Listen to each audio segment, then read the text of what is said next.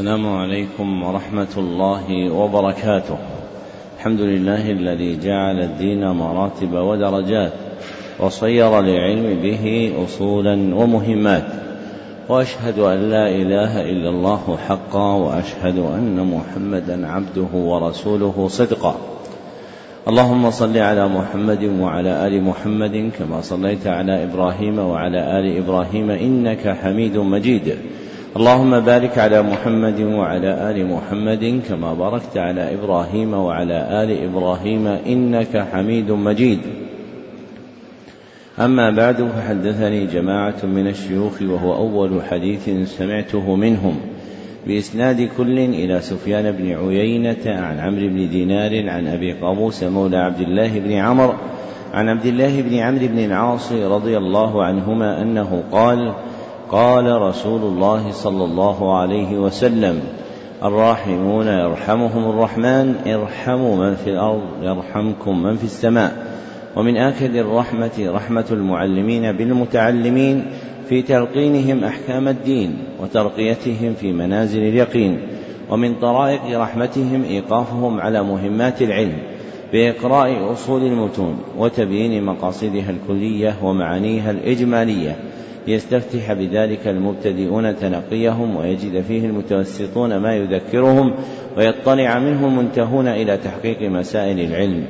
وهذا المجلس الثالث في شرح الكتاب الثامن من برنامج مهمات العلم في سنته التاسعة تسع وثلاثين وأربعمائة وألف وهو كتاب الأربعين في مباني الإسلام وقواعد الأحكام.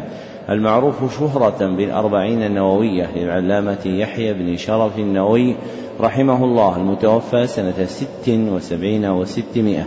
وقد انتهى بنا البيان إلى قوله رحمه الله الحديث الثامن والثلاثون. نعم. بسم الله الرحمن الرحيم. الحمد لله حمدا كما ينبغي لجلال وجهك وعظيم سلطانك. اجعل أزكى صلواتك وتسليماتك على سيدنا رسول الله. وجه عنا خير ما جزيت نبيا عن ملته ورسولا عن أمته. وبإسنادكم حفظكم الله تعالى للعلامة النووي رحمه الله. أنه قال في كتاب الأربعين في مباني الإسلام وقواعد الأحكام المشهورة بالأربعين النووية الحديث الثامن والثلاثون. عن أبي هريرة رضي الله عنه أنه قال قال رسول الله صلى الله عليه وسلم إن الله تعالى قال من عادى لي وليا فقد آذنته بالحرب وما تقرب إلي عبدي بشيء أحب إلي مما افترضته عليه ولا يزال عبدي يتقرب إلي بالنوافل حتى أحبه. فإذا أحببته كنت سمعه الذي يسمع به وبصره الذي يبصر به ويده التي يبطش بها ورجله التي يمشي بها. أحسن الله. ويده التي يبطش بها ورجله التي يمشي بها ولئن سألني لأعطينه ولئن استعاذني لأعيذنه. رواه البخاري. هذا هو الحديث الثامن والثلاثون من الأحاديث الأربعين النووية. وقد أخرجه البخاري وحده دون مسلم فهو من أفراده عنه. وفي الحديث بيان جزاء معاداة أولياء الله. وولي الله شرعا هو كل مؤمن تقي. هو كل مؤمن تقي. وخصه علماء الاعتقاد بمن كان خير بمن بمن كان غير نبي بمن كان غير نبي. وتقدم أن الولي له معنيان. أحدهما شرعي وهو كل مؤمن تقي والآخر اصطلاحي وهو كل مؤمن تقي غير نبي. والمراد منهما في الحديث الأول والمراد منهما في الحديث الأول فيندرج فيه النبي فمن دونه فيندرج فيه النبي فمن دونه. وولي الله بهذا المعنى هو من والى الله هو من والى الله بفعل محبوباته والتقرب إليه بطاعاته من والى الله بفعل محبوباته والتقرب إليه بطاعاته. ذكره ابن أبي العز الطحاوي في شرح العق... ابن أبي العز الحنفي في شرح العقيدة الطحاوية.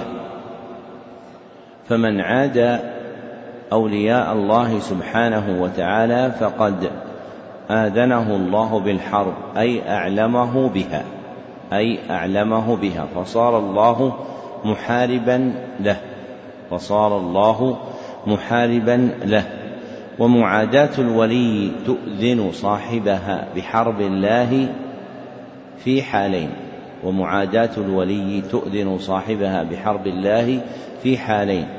إحداهما إذا كانت المعاداة لأجل دينه إذا كانت المعاداة لأجل دينه.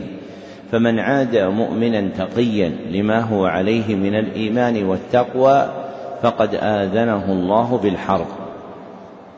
والأخرى أن تكون معاداته لأجل الدنيا مع ظلمه والتعدي عليه.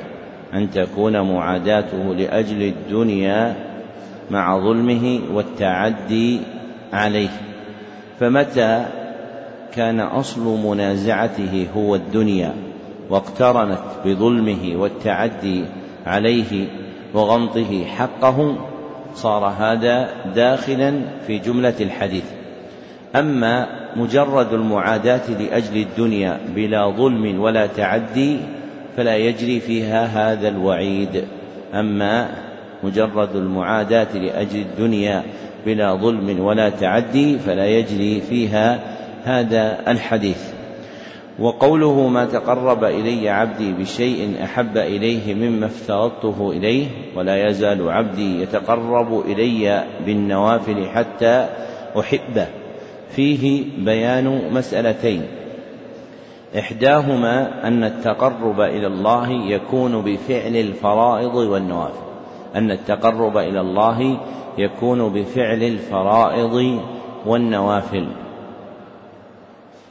والأخرى أن التقرب بفعل الفرائض أعظم من التقرب بفعل النوافل. أن التقرب بفعل الفرائض أعظم من التقرب بفعل النوافل.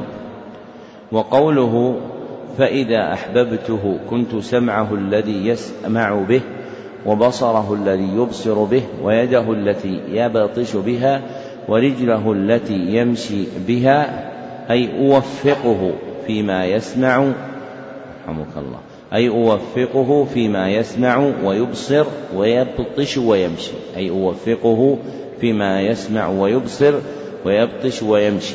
فلا يقع شيء متعلق فلا يقع منه شيء متعلق بها إلا وفق محبة الله ومرضاته فسمعه فيما يحبه الله ويرضاه وبصره فيما يحبه الله ويرضاه وبطشه فيما يحبه الله ويرضاه ومشيه فيما يحبه الله ويرضاه.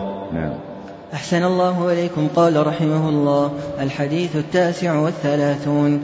عن ابن عباس رضي الله عنهما أن رسول الله صلى الله عليه وسلم قال إن الله تجاوز لي عن أمتي الخطأ والنسيان وما استكره عليه.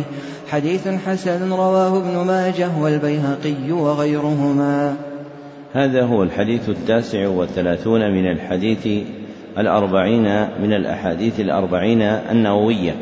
وقد أخرجه ابن ماجه والبيهقي ولفظه إن الله وضع عن أمتي. إن الله وضع عن أمتي. وإسناده ضعيف. والرواية في هذا الباب فيها لين. والرواية في هذا الباب فيها لين. ومن أهل العلم من يرى الحديث حسنا. ومعناه صحيح بدلائل الشرع. وفيه بيان فضل الله على هذه الأمة. بيان فضل الله على هذه الأمة. بترك مؤاخذتهم في أمور ثلاثة. بترك مؤاخذتهم في أمور ثلاثة. أحدها الخطأ وثانيها النسيان وثالثها الإكراه. والمراد بترك المؤاخذة هو الوضع بنفي الإثم مع وجودها. والمراد بترك المؤاخذة هو الوضع بنفي الإثم مع وجودها. فلا إثم على ناس ولا على مخطئ ولا على مكره. والخطأ هو وقوع الشيء على وجه لم يقصده فاعله. وقوع الشيء على وجه لم يقصده فاعله. والنسيان ذهول القلب عن معلوم له متقرر فيه. ذهول القلب عن معلوم له متقرر فيه. والإكراه إرغام العبد على ما لا يريد. إرغام العبد على ما لا يريد. ووضع الإثم عن الخلق في هذه الأمور الثلاثة من مشاهد سعة رحمة الله سبحانه وتعالى. فمن سعة رحمته أن العبد لا يكتب عليه إثم إذا كان ناسئا إذا كان ناسيا أو مخطئا أو مكرها. نعم. أحسن الله إليكم. قال رحمه الله الحديث الأربعون. عن ابن عمر رضي الله عنهما أنه قال أخذ رسول الله صلى الله عليه وسلم بمنكبي فقال كن في الدنيا كأنك غريب أو عابر سبيل. وكان ابن عمر رضي الله عنهما يقول إذا أمسيت فلا تنتظر الصباح وإذا أصبحت فلا تنتظر المساء وخذ من صحتك لمرضك ومن حياتك لموتك. رواه البخاري. هذا هو الحديث الأربعون من الأحاديث الأربعين النووية وقد أخرجه البخاري وحده دون مسلم فهو من أفراده عنه. وفيه الإرشاد إلى الحال التي بها صلاح العبد في الدنيا. وفيه الإرشاد إلى الحال التي بها صلاح العبد في الدنيا. فصلاحه فيها بأن ينزل نفسه إحدى منزلتين. بأن ينزل نفسه إحدى منزلتين. الأولى منزلة الغريب وهو المقيم بغير بلده. منزلة الغريب وهو المقيم بغير بلده. فقلبه متعلق بالرجوع إليه. فقلبه متعلق بالرجوع إليه. والأخرى منزلة عابر السبيل. منزلة عابر السبيل. وهو المسافر الذي إذا دخل بلدا لم يلبث أن يخرج منه. وهو المسافر الذي إذا دخل بلدا لم يلبث أن يخرج منه. فهو يقطع مراحل سيره بالانتقال من بلد إلى بلد. والمنزلة الثانية أكمل من الأولى. والمنزلة الثانية أكمل من الأولى. فالعبد فيها ضعيف التعلق بالدنيا ضعيف التعلق بالدنيا. فإن المقيم ببلد له نوع تعلق به. فإن المقيم ببلد له نوع تعلق به. فهو يمكث فيه مدة. وإن كان عازما على تركه والرجوع إلى بلده. وأما عابر السبيل فلا همة له في البقاء بالبلد الذي يدخله حال كونه مسافرا. فصلاح العبد في الدنيا أن يكون فيها غريبا وإن قدر أن يكون كعابر السبيل المسافر فهذه أكمل. وكلاهما مشتملان على قلة التعلق بالدنيا لأنها دار انتقال لا دار بقاء. فالعبد منزله الأول الجنة. وهو ينبغي أن يطلب رجوعه إليها. قال ابن القيم فحيا على جنات عدن فإنها منازلك الأولى وفيها المخيم. والعبد قد ابتلاه الله عز وجل بجعله في الدنيا ثم عظم ابتلاؤه فيها بأن الله سبحانه وتعالى جعل له في الآخرة مقعدا في الجنة ومقعدا في النار.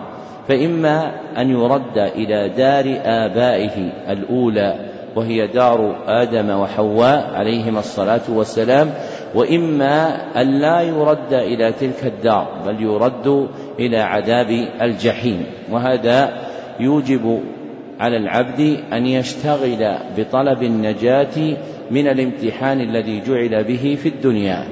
وفي صحيح مسلم من حديث عياض المجاشعي رضي الله عنه أن الله قال في نبيه صلى الله عليه وسلم إنما بعثتك لأبتليك وأبتلي بك.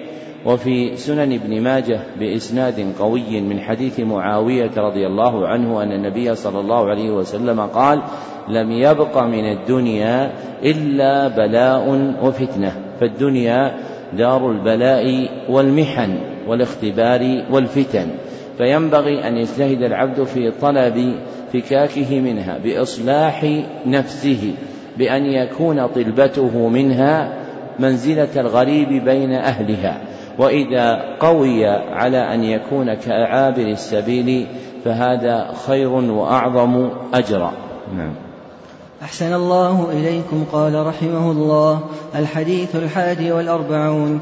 عن أبي محمد عبد الله بن عمرو بن العاص رضي الله عنهما أنه قال قال رسول الله صلى الله عليه وسلم لا يؤمن أحدكم حتى يكون هواه تبعا لما جئت به. حديث حسن صحيح رويناه في كتاب الحجة بإسناد صحيح. هذا هو الحديث الحادي والأربعون من الأحاديث الأربعين النووية وقد عزاه المصنف إلى كتاب الحجة على تارك المحجة لأبي الفتح نصر بن إبراهيم المقدسي وهو عند غيره ممن هو أشهر منه. فرواه ابن أبي عاصم في كتاب السنة وأبو نعيم الأصبهاني في كتاب حلية الأولياء. وإسناده ضعيف ومعناه صحيح. والهوى في الحديث هو الميل. والهوى في الحديث هو الميل. فلا يؤمن العبد حتى يكون ميل قلبه تبعا لما جاء به النبي صلى الله عليه وسلم. فيكون ما جاء به الرسول صلى الله عليه وسلم سائق قلبه الذي يسير بإرشاده فيتوجه إلى ما أرشد إليه الشرع. وقوله لا يؤمن أحدكم يحتمل معنيين. أحدهما نفي أصل الإيمان. نفي أصل الإيمان. أي لا يكون مسلما. أي لا يكون مسلما. وذلك إذا كان متعلقه ما جاء به الرسول صلى الله عليه وسلم وذلك إذا كان متعلقه مما جاء به الرسول صلى الله عليه وسلم ولا يصير العبد مسلما إلا به ولا يصير العبد مسلما إلا به. فهذا إذا لم يكن قلبه تبعا له لم يكن مسلما. ككونه صلى الله عليه وسلم خاتم الأنبياء. فإذا كان ميل العبد في قلبه لإثبات النبوة لغيره صلى الله عليه وسلم انتفى إيمانه وصار كافرا. والآخر أن يكون المنفي كمال الإيمان أن يكون المنفي كمال الإيمان فيبقى في دائرة الإسلام. وذلك إذا كان متعلق ما جاء به هو ما يكون العبد مسلما دونه هو ما يكون العبد مسلما دونه. ككون ميل العبد إلى عدم محبة ما يحب عدم محبة ما يحب لنفسه في حق إخوانه. فإذا لم يحب العبد لأخيه ما يحب لنفسه فإنه حينئذ لا يكون ميل قلبه موافقا لما جاء به النبي صلى الله عليه وسلم فلا يكون كامل الإيمان وإن كان مسلما. نعم. أحسن الله إليكم. قال رحمه الله الحديث الثاني والأربعون. عن أنس رضي الله عنه أنه قال سمعت رسول الله صلى الله عليه وسلم يقول قال الله تعالى يا ابن آدم إنك ما دعوتني ورجوتني غفرت لك على ما كان منك ولا أبالي. يا ابن آدم لو بلغت ذنوبك عنان السماء ثم استغفرتني غفرت لك. يا ابن آدم إنك لو أتيتني بقراب الأرض خطايا ثم لقيتني لا تشرك بي شيئا لأتيتك بقرابها مغفرة. رواه الترمذي وقال حديث حسن صحيح. هذا هو الحديث الثاني والأربعون من الأحاديث الأربعين النووية وقد أخرجه الترمذي وإسناده حسن وهو حديث عظيم مشتمل على ثلاثة أسباب من أسباب المغفرة. أولها الدعاء المقترن بالرجاء الدعاء المقترن بالرجاء فيدعو العبد ربه مع رجائه فيدعو العبد ربه مع رجائه فيكون قلبه طامعا في حصول مقصوده فيكون قلبه طامعا في حصول مقصوده. وقرن الدعاء بالرجاء وقرن الدعاء بالرجاء للإعلام بأن الداعي حاضر القلب للإعلام بأن الداعي حاضر القلب فهو متوجه في دعائه إلى الله توجها كليا. وثانيها الاستغفار وثانيها الاستغفار وهو طلب المغفرة وهو طلب المغفرة. وحقيقته قول العبد أستغفر الله مع التوبة إلى الله. قول العبد أستغفر الله مع التوبة إلى الله. وهذا هو الاستغفار الكامل. وهذا هو الاستغفار الكامل. فإن اقتصر على قول اللسان بلا توبة فإن اقتصر على قول اللسان بلا توبة صار من ذكر الله سبحانه وتعالى بطلب مغفرته. بأن يقول أستغفر الله مع الإقامة على ذنوبه. بأن يقول أستغفر الله مع الإقامة على ذنوبه. فهذا داع بالاستغفار. فإن كان قائلا أستغفر الله مع التوبة فهذا هو الاستغفار الكامل. وثالثها توحيد الله. وأشير إليه بعدم الشرك في قوله ثم لقيتني لا تشرك بي شيئا لأن مقصود التوحيد هو إعدام الشرك لأن مقصود التوحيد هو إعدام الشرك بأن لا يبقى منه شيء. وأخر التوحيد مع جلالته لعظمة أثره في المغفرة وأخر التوحيد مع جلالته لعظم أثره في المغفرة. فأعظم الأسباب التي يغفر الله للعبد بها هو توحيده سبحانه. كما قال في هذا الحديث يا ابن آدم إنك لو أتيتني بقراب الأرض أي بملء الأرض خطايا ثم لقيتني لا تشرك بي شيئا لأتيتك بقرابها مغفرة. وختم المصنف رحمه الله كتاب الأربعين.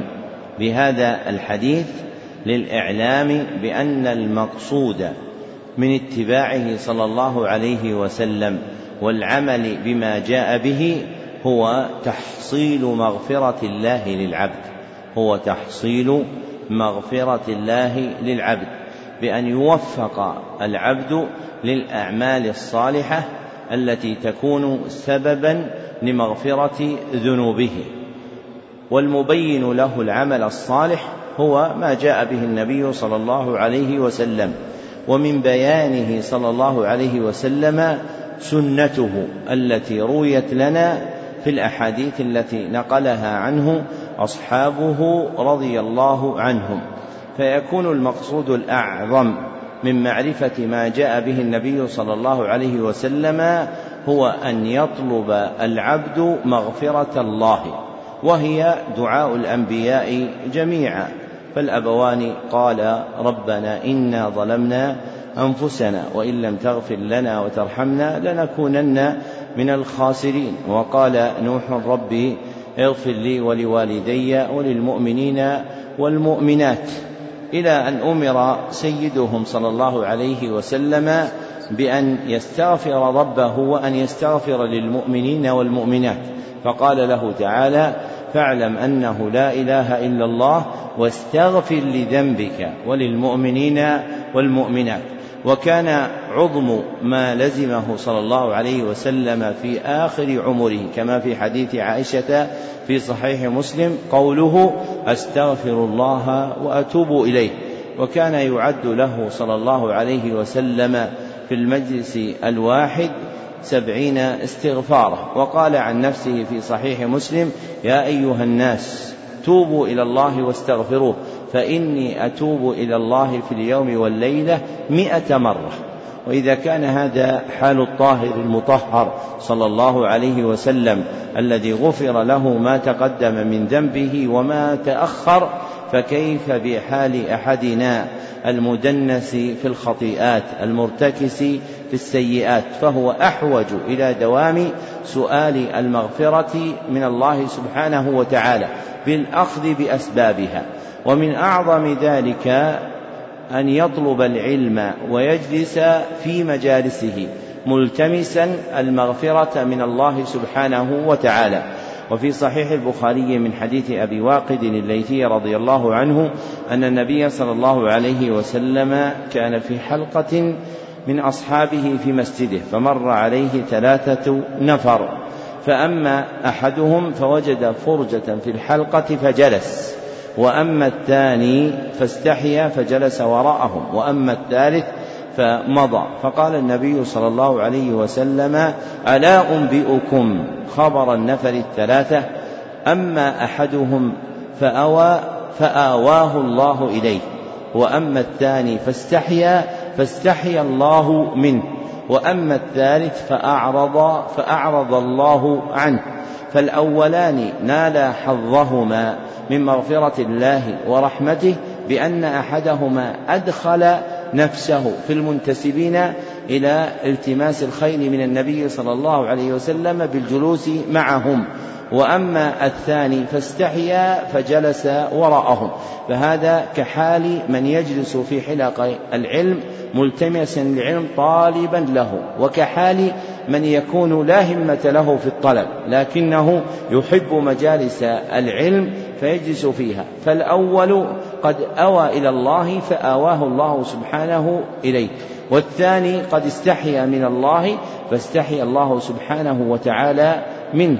فينبغي للعبد أن يستحضر هذا في مجالس العلم. فإن الله سبحانه وتعالى يقول لأهلها قوموا مغفورا لكم. فيقول إنه فيقال إنه فيهم فلان إنما أتى لحاجة. فيقول سبحانه هم القوم لا يشقى بهم جليسهم.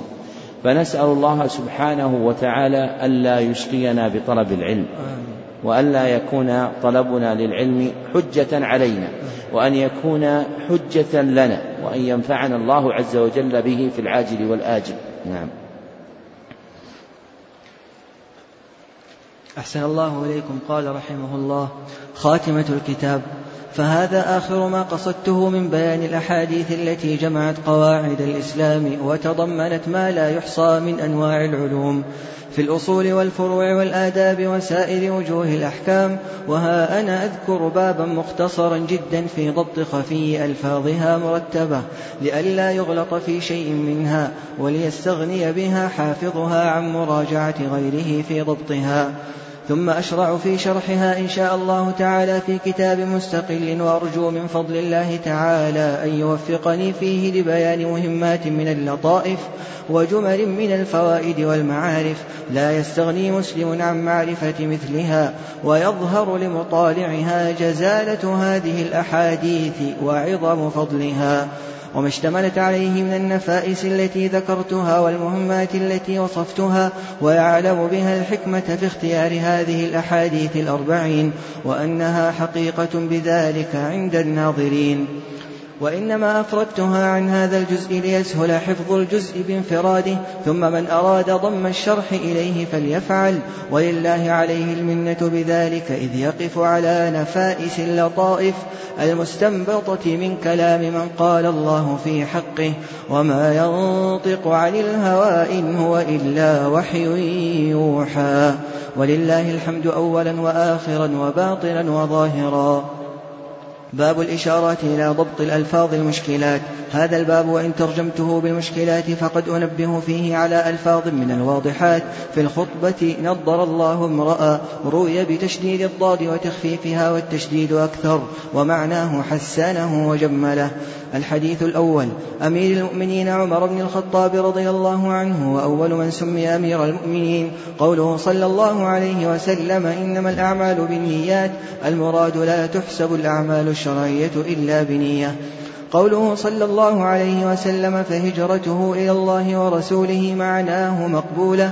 الحديث الثاني قوله لا يرى عليه أثر السفر هو بضم الياء من يرى. قوله تؤمن بالقدر خيره وشره معناه تعتقد أن الله قدر الخير والشر قبل خلق الخلق وأن جميع الكائنات بقضاء الله تعالى وقدره وهو مريد لها. قوله فأخبرني عن أمارتها هو بفتح الهمزة أي علامتها ويقال أمار بلا هاء اللغتان لكن الرواية بالهاء. قوله صلى الله عليه وسلم تلد الأمة ربتها أي سيدتها ومعناه أن تكثر السراري حتى تلد الأمة السرية بنتا لسيدها وبنت السيد في معنى السيد وقيل يكثر بيع السراري حتى تشتري المرأة أمها وتستعبدها جاهلة بأنها أمها وقيل غير ذلك وقد أوضحته في شرح صحيح مسلم بدلائله وجميع طرقه قوله صلى الله عليه وسلم العالتي الفقراء ومعناه أن سافل الناس يصيرون أهل ثروة ظاهرة. قوله لبثت مليا هو بتشديد الياء أي زمانا كثيرا وكان ذلك ثلاثا. هكذا جاء مبينا في رواية أبي داود والترمذي وغيرهما. الحديث الخامس. قوله صلى الله عليه وسلم من أحدث في أمرنا هذا ما ليس منه فهو رد أي مردود كالخلق بمعنى المخلوق. الحديث السادس قوله صلى الله عليه وسلم فقد استبرأ لدينه وعرضه أي صان دينه وحمى عرضه من وقوع الناس فيه. قوله يوشك هو بضم الياء وكسر الشين أي يسرع ويقرب.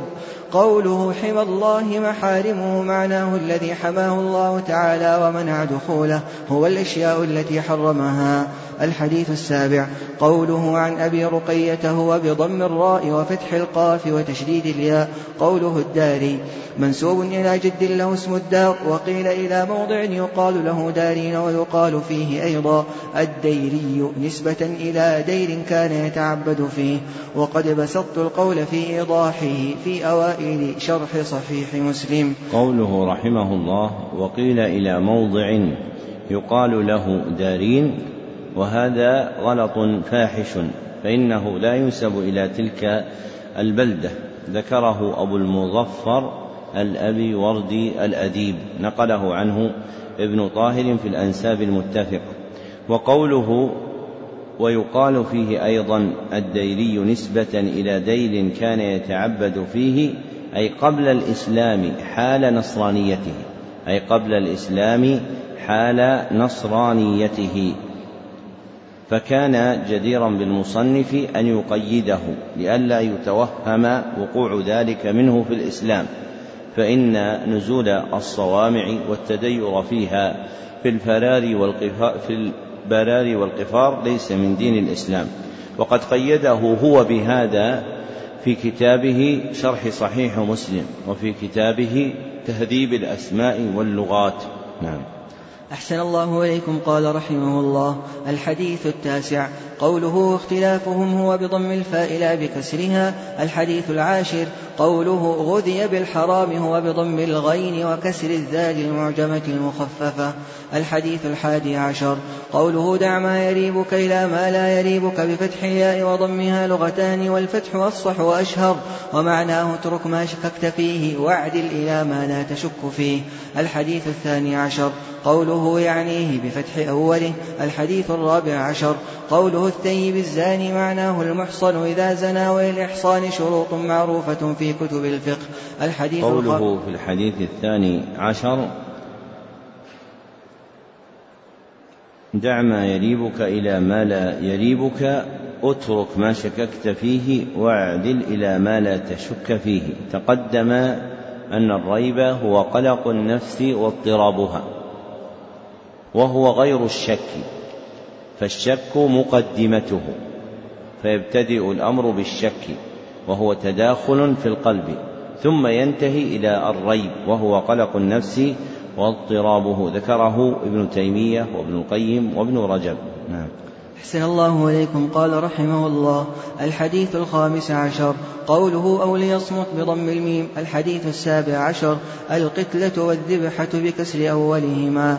قوله وليحده وبضم الياء وكسر الحاء وتشديد الدال يقال وحد السكين وحدها واستحدها بمعنى. الحديث الثامن عشر جندب بضم الجيم وضم وبضم الدال وفتحها وجنادة بضم الجيم. الحديث التاسع عشر تجاهك بضم التاء وفتح الهاء أي أمامك كما في الرواية الأخرى.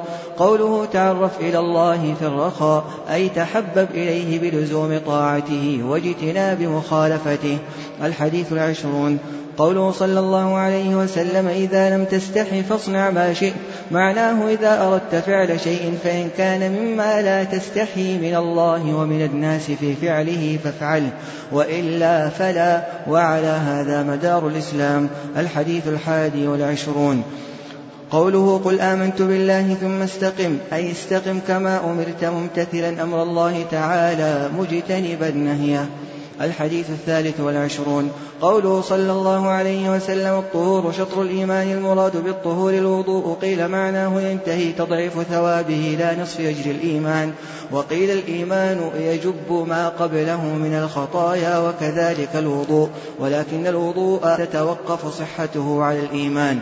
فصار نصفا. وقيل المراد بالإيمان الصلاة والطهور شرط لصحتها فصار كالشطر وقيل غير ذلك. تقدم في شرح هذا في شرح هذا الحديث أن المراد بالطهارة هي الطهارة الحسية للبدن بوضوء أو غسل أو تيمم وأنها نصف الإيمان باعتبار كونها طهارة الظاهر. وأن بقية خصال الإيمان تطهر الباطن فالصلاة والزكاة والصدقة تطهر باطن العبد وأما الوضوء أو الغسل أو التيمم فتطهر ظاهره. نعم. أحسن الله إليكم قوله صلى الله عليه وسلم والحمد لله تملأ الميزان أي ثوابها. قوله وسبحان الله والحمد لله تملأان أي لو قدر ثوابهما جسما لملأ ما بين السماء والأرض وسببه ما اشتملت عليه من التنزيه والتفويض إلى الله تعالى. قوله والصلاة نور أي تمنع من المعاصي وتنهى عن الفحشاء وتهدي إلى الصواب. وقيل يكون ثوابها نورا لصاحبها يوم القيامة وقيل لأنها سبب لاستنارة القلب. قوله والصدقة برهان أي حجة لصاحبها في أداء حق المال وقيل حجة في إيمان صاحبها لأن المنافق لا يفعلها غالبا. قوله والصبر ضياء أي الصبر المحبوب وهو الصبر على طاعة الله تعالى والبلاء ومكاره الدنيا وعن المعاصي ومعناه لا يزال صاحبه مستضيئا مستمرا على الصواب. قوله كل الناس يغدو فبائع نفسه معناه كل إنسان يسعى بنفسه فمنهم من يبيعها لله تعالى بطاعته فيعتقها من العذاب ومنهم من يبيعها للشيطان والهوى باتباعهما. قوله فيوبقها أن يهلكها. وقد بسطت شرح هذا الحديث في أول شرح صحيح مسلم. فمن أراد زيادة فليراجع. وبالله التوفيق. الحديث الرابع والعشرون. قوله تعالى حرمت الظلم على نفسي أي تقدست عنه فالظلم مستحيل في حق الله تعالى لأنه مجاوزة الحد أو التصرف في غير ملك وهما جميعا محال في حق الله تعالى. هذا الذي ذكره المصنف في حقيقة الظلم أنه مجاوزة الحد أو التصرف في غير ملك لا يسلم له وعليه اعتراضات طويلة الذيل. بسطها ابن تيمية الحفيد في رسالة مفردة في شرح أبي ذر الغفاري. فإن كلام المتكلمين في حقيقة الظلم مبني على أصول عقدية والموافق على والموافق لأصول أهل السنة والجماعة أن الظلم هو وضع الشيء في غير موضعه. أن الظلم هو وضع الشيء في غير موضعه. نعم. أحسن الله إليكم قوله تعالى فلا تظالموا هو بفتح التاء أي لا تتظالموا. قوله تعالى إلا كما ينقص المخيط هو بكسر الميم وإسكان الخاء المعجمة وفتح الياء أي الإبرة ومعناه لا ينقص شيئا. الحديث الخامس والعشرون. قوله الدثور بضم الدال والثاء المثلثة الأموال واحدها دثر كفلس وفلوس. قوله وفي بضع أحدكم وبضم الباء وإسكان الضاد المعجمة وهو كناية عن الجماع إذا نوى به العبادة وهو قضاء حق الزوجة وطلب ولد صالح وعفاف النفس وكفها عن المحارم. قوله رحمه الله هو كناية عن الجماع تقدم أنه يقع أيضا كناية عن الفرج. أنه يقع أيضا كناية عن الفرج. وذكره المصنف نفسه في شرح صحيح مسلم. نعم. أحسن الله إليكم قوله الحديث الحديث السادس والعشرون. قوله السلامة بضم السين وتخفيف اللام وفتح الميم وجمعه سلاميات بفتح الميم وهي المفاصل والأعضاء وهي ثلاثمائة وستون مفصلا. ثبت ذلك في صحيح مسلم عن رسول الله صلى الله عليه وسلم. الحديث السابع والعشرون. النواسي فتح النون وتشديد الواو وسمعان بكسر السين المهملة وفتحها. قوله حاك بالحاء المهملة والكاف أي تردد. قوله وابصة بكسر الباء الموحدة. الحديث الثامن والعشرون. العرباض بكسر العين وبكسر العين وبالموحدة. سارية بالسين المهملة والياء المثناة من تحت. قوله ذرفت بفتح الذال المعجمة والراء سالت قوله بالنواجذ هو بالذال المعجمة وهي الأنياب وقيل الأبراس قوله والبدعة ما عمل على غير مثال سبق قوله رحمه الله والبدعة ما عمل على غير مثال سبق هذا ألصق بالمعنى اللغوي منه بالمعنى الشرعي والمراد في الحديث معنى البدعة الشرعي وهو ما أحدث في الدين مما ليس منه بقصد التعبد. ما أحدث في الدين مما ليس منه بقصد التعبد. نعم. أحسن الله إليكم. قوله الحديث التاسع والعشرون قوله وذروة السلام بكسر الذال وضمها أي أعلاه قوله ملاك الشيء بكسر الميم أي مقصوده قوله يكب وبفتح الياء وضم الكاف. الحديث الثلاثون. الخشني بضم الخاء وفتح الشين المعجمتين وبالنون منسوب إلى خشينة قبيلة معروفة. قوله جرثوم بفتح بضم الجيم والثاء المثلثة وإسكان الراء بينهما. وفي اسمه واسم أبيه اختلاف كثير. قوله صلى الله عليه وسلم فلا تنتهكوها انتهاك الحرمة تناولها بما لا يحل. الحديث الثاني والثلاثون. قوله ولا ضراره بكسر الضاد المعجمة. الحديث الرابع والثلاثون. قوله فإن لم يستطع فبقلبه معناه فلينكر بقلبه. قوله وذلك ضعف الإيمان أي أقله ثمرة. الحديث الخامس والثلاثون. قوله ولا يخذله بفتح الياء وإسكان الخاء وضم الذال المعجمة. قوله ولا يكذبه هو بفتح الياء وإسكان الكاف. قوله بحسب امرئ من الشر هو بإسكان السين المهملة أن يكفيه من الشر. قوله الحديث الثامن والثلاثون قوله فقد آذنته بالحرب هو بهمزة ممدودة أي أعلمته بأنه محارب لي. قوله تعالى استعاذني ضبطوه بالنون وبالباء وكلاهما صحيح. الحديث الأربعون. قوله كن في الدنيا كأنك غريب أو عابر سبيل أي لا تركن إليها ولا تتخذها وطنا ولا تحدث نفسك بطول البقاء فيها ولا بالاعتناء بها ولا تتعلق منها بما لا يتعلق به الغريب في غير وطنه ولا تشتغل فيها بما لا يشتغل به الغريب الذي يريد الذهاب إلى أهله. الحديث الثاني والأربعون. قوله عنان السماء بفتح العين. قيل هو السحاب. وقيل ما عن لك منها أي ظهر إذا رفعت رأسك. قوله بقراب الأرض بضم القاف وكسرها لغتان روي بهما والضم أشهر. معناه ما يقارب ملؤها. ما يقارب ملئها فصل اعلم أن الحديث المذكور أولا من حفظ على أمتي أربعين حديثا. معنى الحفظ هنا أن ينقلها إلى المسلمين وإن لم يحفظها ولم يعرف معناها. هذا حقيقة معناه وبه يحصل انتفاع المسلمين لا بحفظ ما ينقله إليهم. والله أعلم بالصواب. الحمد لله الذي هدانا لهذا وما كنا لنهتدي لولا أن هدانا الله. وصلاته وسلامه على سيدنا محمد وآله وصحبه وسلم وسلام على المرسلين والحمد لله رب العالمين. قال مؤلفه فرغت منه ليلة الخميس التاسع والعشرين من جماد الأولى سنة ثمان وستين وستمائة. وبهذا نكون قد فرغنا من بيان معاني الكتاب بما يناسب المقام. اكتبوا طبقة السماع. سمع علي جميع الأربعين النووية بقراءة غيره صاحبنا ويكتب اسمه تاما فتم له في ذلك فتم له في ثلاثة مجالس بالميعاد المثبت في نسخته.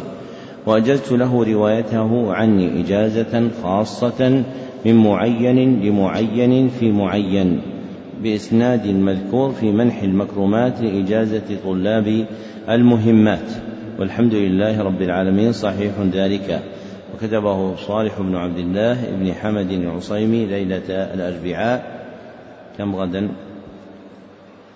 الثلاثون ليلة الأربعاء الثلاثين من شهر ربيع الثاني سنة تسع وثلاثين وأربعمائة وألف في المسجد النبوي بمدينة الرسول صلى الله عليه وسلم.